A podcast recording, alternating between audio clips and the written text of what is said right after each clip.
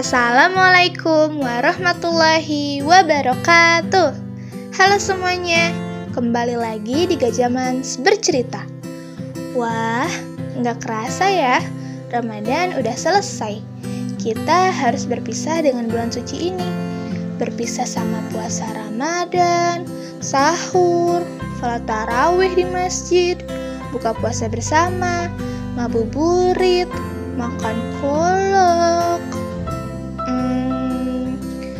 Semoga kita bisa bertemu lagi ya dengan bulan suci Ramadan di tahun-tahun berikutnya. Amin. Teman-teman, malam ini malam yang indah banget ya. Suara takbir dikumandangkan di mana-mana.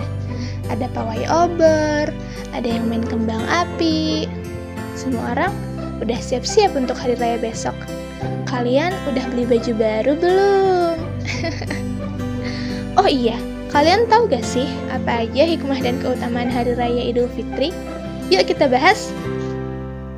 Pertama, Idul Fitri menandakan kemenangan orang-orang yang berpuasa dalam menahan hawa nafsu. Kedua, Idul Fitri merupakan momen kita kembali ke fitrah loh, atau disebut juga momen kembali suci seperti bayi yang baru dilahirkan. Ketiga, menjadi ajang silaturahmi dan juga ajang saling memaafkan sesama manusia. Keempat, menunjukkan kekuatan dan ukhuwah umat Islam. Ukhuwah adalah salah satu fondasi besar umat Islam ketika sudah tidak ada lagi rasa kepedulian terhadap sesama.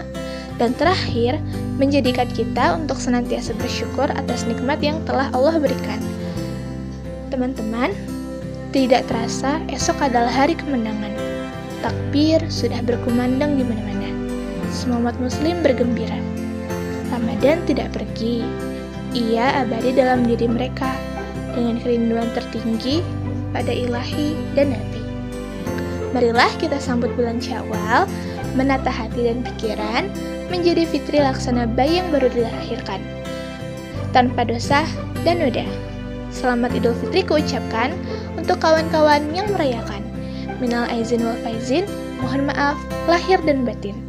Sekian, podcast hari ini. Wassalamualaikum warahmatullahi wabarakatuh.